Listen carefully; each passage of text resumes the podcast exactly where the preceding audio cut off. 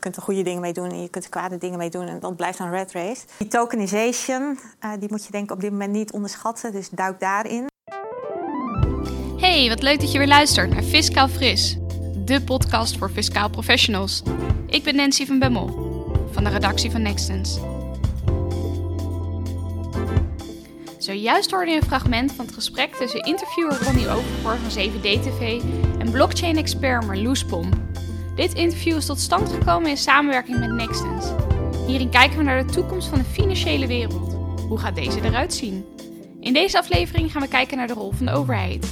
Veel luisterplezier. Dankjewel. Ja, want je hebt wel ervaring met zeg maar, het onderwerp tech in relatie tot de overheid, uh, toch? Ja, ik train al jaren topambtenaren in nieuwe technologieën. En ik heb al heel veel pilots gedaan ja? uh, binnen de overheid om te ontdekken wat je ermee kan. Pilots zijn populair in de overheid? Nou ja, dat is wat ik probeer te doen, is leren door te doen. En dan ja. kan een pilot goed werken. Ja, precies. Ja.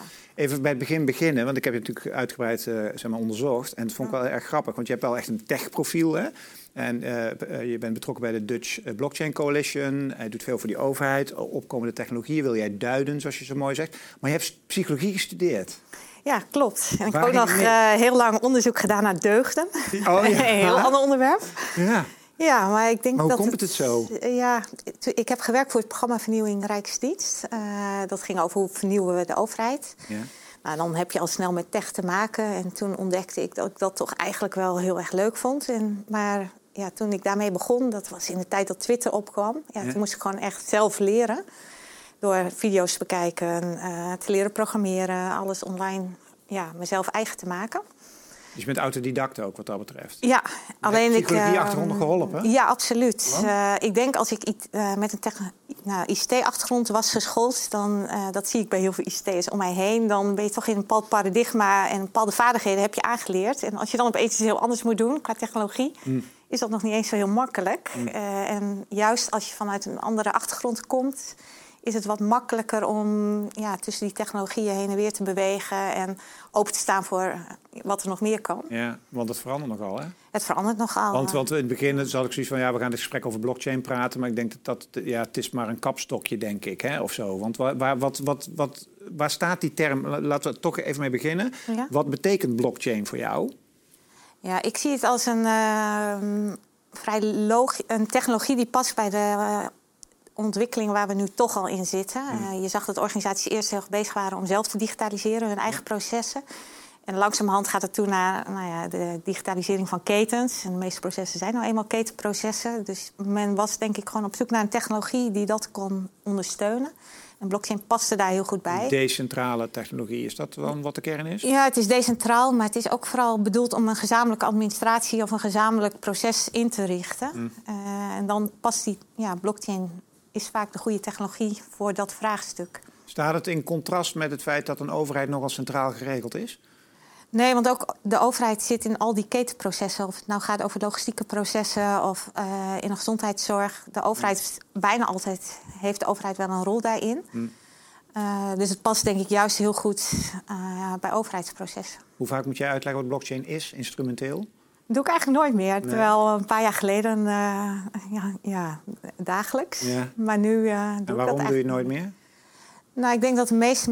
Kijk, in eerste instantie moest je heel erg uitleggen wat is technologie zelf. Vervolgens ja. kregen we die Bitcoin-hype. En dan moest je uitleggen dat het weer anders is dan, uh, nou ja, dan Bitcoin zelf. Mm.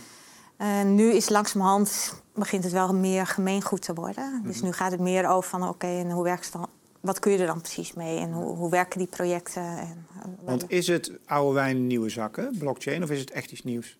Beide, denk ik. Uh, aan de ene kant is het gewoon het Keten, het digitaliseren van ketenprocessen. Ja. Gewoon digitalisering, automatisering, het efficiënter maken van processen.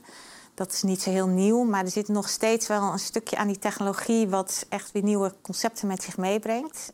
En bijvoorbeeld het tokeniseren. Ja.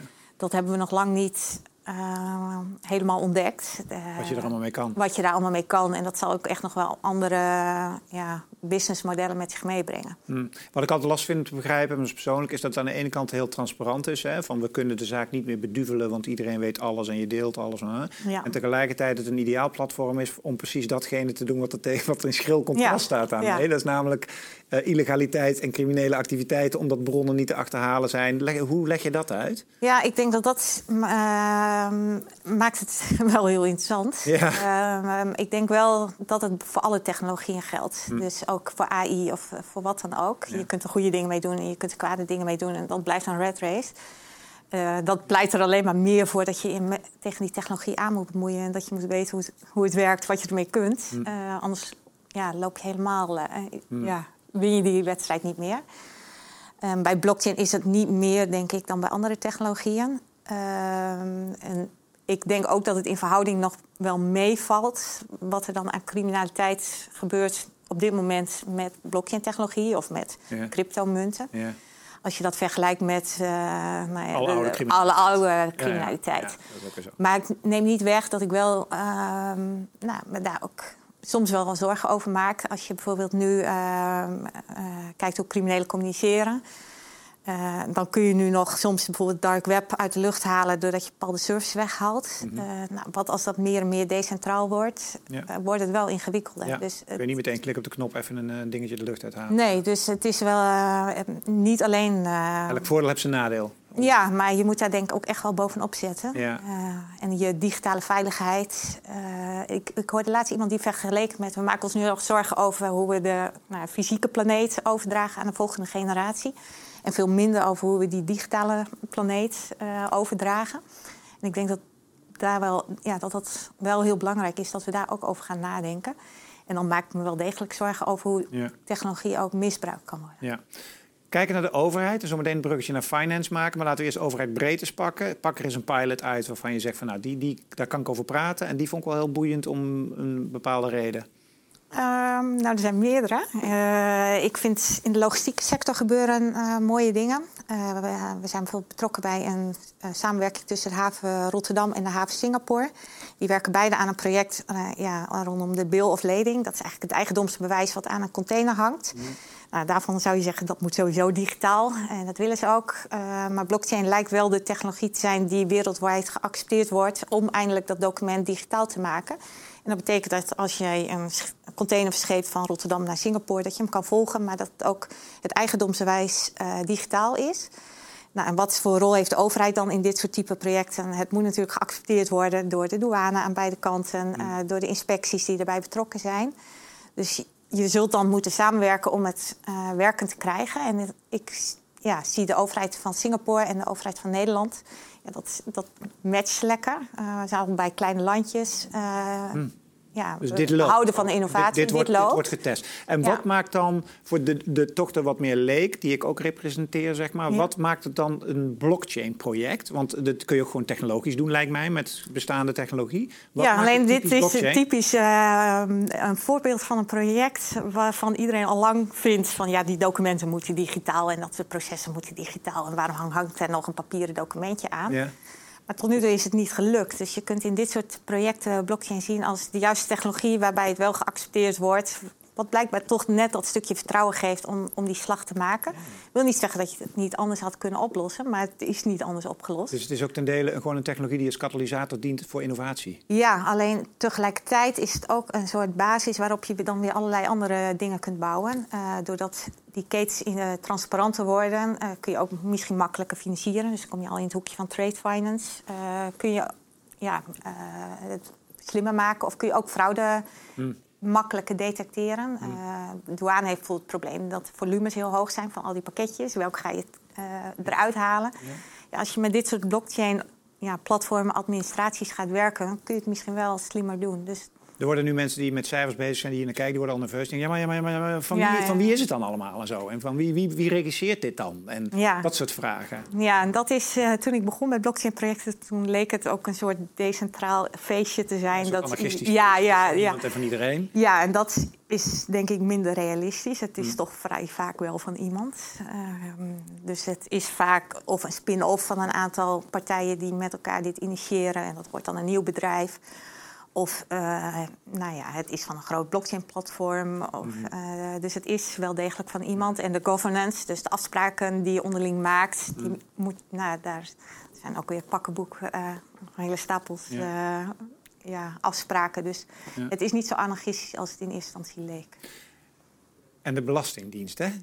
Of Ja. het ministerie van Financiën dan wat Ja, breder. die hebben ook een heel mooi project. Nou, vertel. Die doen eh, compliance by design. Dat, Wie, de Belastingdienst of de eh, Financiën? het ministerie, ministerie van Financiën. Compliance by Design. Ja, die bouwen aan eh, een ja, soort open infrastructuur om voor ja, als je subsidies verstrekt, dan wil je eigenlijk weten van eh, ja, is dat geld goed uitgegeven en voldoet het aan alle ja, eh, regels Ja. eh, ja, aan de compliance. Ja. En zij hebben nu een blockchain-oplossing ge- gebouwd voor het verstrekken van subsidies. En dat kunnen hele grote zijn, zoals Europese landbouwsubsidies, maar het kunnen ook hele kleine zijn. Waarbij het geld alleen wordt uitgekeerd als het aan al die voorwaarden voldoet, die je dan in zo'n smart contract eh, vastlegt. Ja. Smart contracting is echt een belangrijk onderdeel waar blockchain heel erg geschikt voor is, toch? Ja, eh, geautomatiseerde contractjes, Ja. eh, software. En hoe werkt zo'n pilot dan bij het ministerie? Want ik bedoel, ik kan sceptisch misschien doen, maar dan, ja, toch, ik vertegenwoordig ook een beetje de kijker. En die denkt, ja, gast, de overheid en dan, zeg maar, dit soort pilots. Hoe krijg je dat van de grond? Hoe werkt dat dan? Ja, nou dan moet ik toch even, kom ik even op voor de overheid. Ga je de land- landsbreken voor de overheid? Ja, ja. Heel goed. ik vind de Nederlandse overheid het heel goed doen. Ja? Wat ze in Nederland heel goed doen, is eh, die publiek-privaat samenwerkingen opzetten. Zoals bij de Nederlandse Blockchain Coalitie. Dat is een model waarbij je... eh, de overheid is, is lid, Ja. een heleboel corporates, start-ups en Ja, vrijwel alle universiteiten, hogescholen. triple helix, wat ze noemen. Dat triple helix model. En ik reis heel veel. Ik ben verantwoordelijk voor de internationale strategie van de Nederlandse Blockchain Coalitie en van de AI-coalitie. Dus ik zie heel veel andere overheden ook aan het werk. En dit stukje, daar zijn we echt by far het beste in. En hoe kan dat? ja, ik denk omdat we gewoon zo ontzettend klein zijn en het zit in ons DNA. Dus we zijn gewend om eh, met elkaar samen te werken. En we weten ook vrij snel wie we moeten hebben. Dus het is, eh, en we gaan ook relatief snel even bij elkaar zitten om eh, nou ja, dan samen aan een project te werken. En de Nederlandse overheid is dus bij ontzettend veel eh, ja, pilots, pro, eh, blockchain-projecten, AI-projecten betrokken. Of als initiator, zoals bij Compliance by Design van het ministerie van Financiën. Dat, Ja. heb, dat is hun initiatief. Ja. Maar zoals bij logistiek, dan eh, haken ze aan. Als, Ja, eh, en dat, ja, daar lopen we echt in voorop. Dus, en over vooroplopen gesproken, de Belastingdienst die staat toch best wel onder druk. Hè? Ik bedoel, en, en wat ik met name veel hoor is het, is, het loopt vast op zijn complexiteit. Weet je, Ja. er zijn te veel regels die, die, zeg maar, die niet met elkaar stroken. En, ja, en dat gaat blockchain ook niet oplossen Nee. natuurlijk. En een andere technologie maar doen jullie wel niet. pilots in die financiële hoek bij Belastingdienst of niet? Ehm, de Belastingdienst is weer, er lopen een aantal Europese trajecten ook, blockchain-projecten. En daar is de Belastingdienst wel aangehaakt. Maar ze zijn niet de initiatiefnemer van eh, een aantal blockchain-projecten hier in Nederland. Voor zover ik weet op dit moment. Als jij nou een pilot mocht verzinnen hè, en jij mocht de, ik, krijg, ik geef jou nu de opdracht van ga jij nou die belastingdienst en je mag hem helemaal even helemaal scratch, mag je hem helemaal opnieuw designen. Ah, leuk hè? Ja, dat is een Ja. mooie opdracht. Hè? Ja. Nou is dat een enorm ingewikkelde vraag. Maar wat, Ja. zijn dan, wat zijn dan elementen die meteen in je hoofd schieten dat je denkt, oh, dat, daar zou ik dit en dit en dit zou ik wel Ja. uitzoeken?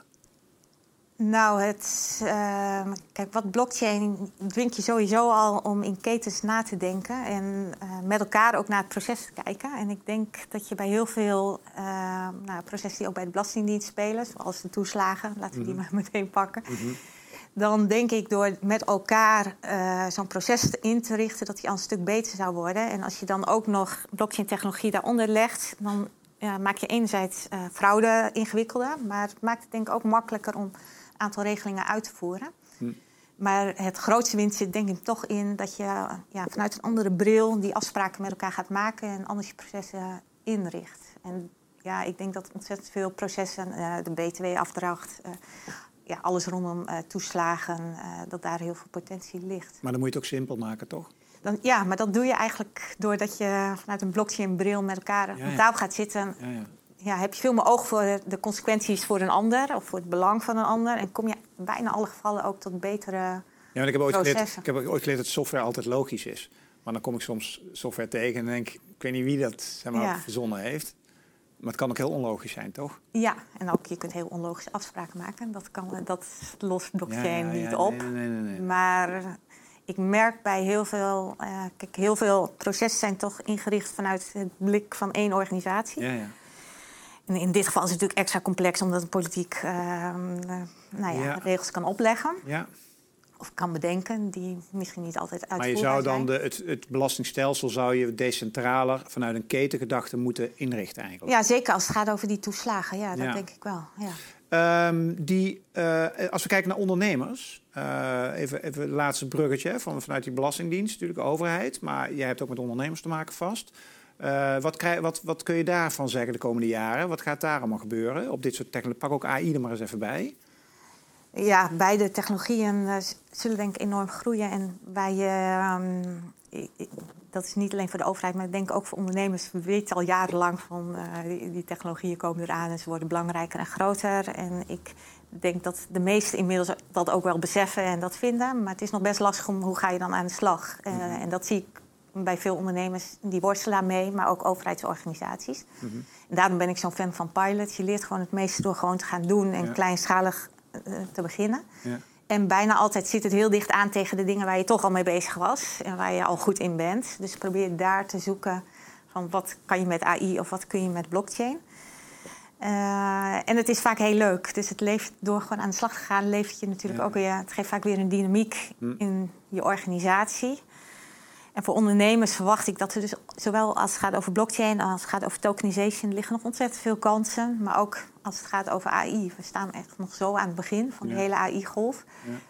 Ja, je kan nog alle kanten op. En wat is de rol van die Dutch Blockchain Coalition eigenlijk?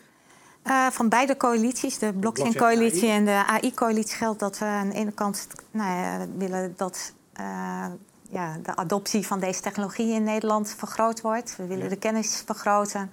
Eh, we willen graag partijen die wat aan elkaar hebben samenbrengen. We willen graag ook eh, de business eh, uithalen, dat het, dat het groeit, Ja. dat het goed doen in Is het- Zijn Nederland. het bedrijven of zijn het... Het zijn beide, dus het zijn overheden, bedrijven, start-ups. de structuur van die coalitie, is dat een, is dat ja, het is echt een, een onderneming? Of is het een stichting of een whatever? Het is formeel is het, valt het onder ECP, dat is een, een stichting. Eh, maar het is een lidmaatschapmodel. Dus overheden zijn lid, bedrijven zijn lid. En met elkaar bepalen die de agenda van zo'n coalitie. wie, en wat is de financieringsstructuur dan van die coalitie? De leden betalen een Ja, ja, lidmaatschap. ja. En, die be- en dat verschilt een beetje. Ben je heel groot, ben je een groot corporate of ben je een start-up? Dat verschilt in je bijdrage uiteraard. Maar met elkaar bepalen die leden de agenda. Oké. Eh, en ook voor ondernemers kan het dus heel interessant zijn. ook voor daaraan- kleinere ondernemers? Ook voor kleine ondernemers die kunnen lid worden. Ehm, en het helpt je. Het is best lastig om in je eentje aan de slag te gaan. Dus juist in zo'n coalitieverband eh, kun je ideeën opdoen, kun je netwerk opdoen, kun je ook met elkaar projecten optuigen of meegaan op een missie, bijvoorbeeld handelsmissies. Ja. Of, eh, ja, van alles. Belangrijkste uitdaging voor de financiële sector de komende drie, vier jaar, wat jou betreft? Ja, ik ben niet een eh, expert als, als het gaat om de financiële sector. Maar eh, de- eh, ik denk die tokenization, die moet je denk ik op dit moment niet onderschatten. Dus duik daarin. Je En tokenization in het Nederlands, tenminste, en Jip en Janneke taal. Ehm, ja, het, je hebt zeg maar de muntjes, de crypto, Ja. zoals de bitcoin, die kennen de meeste mensen wel. Maar wat je ook kan doen is dat je eigenlijk een soort digitale kopie maakt van een bepaald ja, een asset. Een, Ja. eh, bijvoorbeeld een huis kun je opdelen in muntjes en die kun je dan weer verhandelen. Maar ook zonnepanelen of van alles en nog wat. Dus heel veel eh, fysieke objecten, en die kun je een, een digitale ja, tweeling- eh, zusje of broertje geven. En die kun je dan er weer verhandelen. en dynamischer mee spelen, of mee spelen, mee handelen. Ja, ja, en daar staan we echt aan het begin. Ja. En je ziet ook eh, binnen de Europese Unie waren we in eerste instantie best wel huiverig. Van wat moeten we met al die, met die muntjes of Ja. met die tokens? Eh, en toen gingen we heel hard roepen van, eh, maar ja, maar dat doen we allemaal niet. We doen blockchain. Hm. Heeft dat ook een tijdje stilgelegen. En nu zie je dat de Europese landen één voor één toch wel weer nou ja, daarna gaan kijken. En ook soms hun standpunten wel herzien. Duitsland heeft laatst een eh, goede strategie uitgebracht hierover. Frankrijk is er druk mee bezig. In Nederland zie je dat het ministerie van Financiën, de Nederlandse Vereniging van Banken, toch nog eens kijken van hey, moeten we ons, eh, ja, ons standpunt niet herzien. Hm. Je ziet weer allerlei bijeenkomsten daarover. Dus die golf is nog lang niet voorbij. En de pilots disruptief genoeg? Want ik kan me voorstellen dat dit nogal disruptief kan werken op lange termijn. Nou, ik denk, eh, ik, daarom vind ik het. Ik ben geen voorstander van de Libra zoals dat er nu uitziet. Ik weet niet, de, Van Facebook, de, de, ja. de munt die Facebook eh, voorstelde. Alleen ik denk wel dat je dat soort uh, disrupties nodig hebt van buitenaf. En die komen niet vanuit de financiële sector zelf, ook niet vanuit de overheid. Dus af en toe heb je wel zo'n duwtje van buitenaf nodig. En dat heeft Libra denk ik wel gedaan. Ja. Dus ik hoop wel op meer van dat soort duwtjes. Ja, van dat soort duwtjes die de, die, die de wereld vooruit helpen uiteindelijk. Uiteindelijk wel. En uh, de, uh, een van de argumenten bijvoorbeeld achter Libra... Of, van die uh, founders was ook van ja, maar alsof jullie het hebben opgelost. Uh, er zijn nog heel veel mensen die geen bankrekening hebben. Ja. Dus hoezo mogen wij het niet proberen? Ja. nou, dat, dat, vond ik wel een, Alleen een goed argument. zouden we alweer een uur lang, ja, nog heet, een dag langer door kunnen praten. Mag ik jou danken voor dit gesprek, Marloes. En heel veel succes de komende jaren wat je maar gaat doen. Dankjewel. En bedankt voor het luisteren naar weer een aflevering van Fiscal Fris. Vond je dit nu interessant? Abonneer je dan op ons kanaal op Spotify of iTunes. Of houd onze nieuwsbrief in de gaten. Tot snel!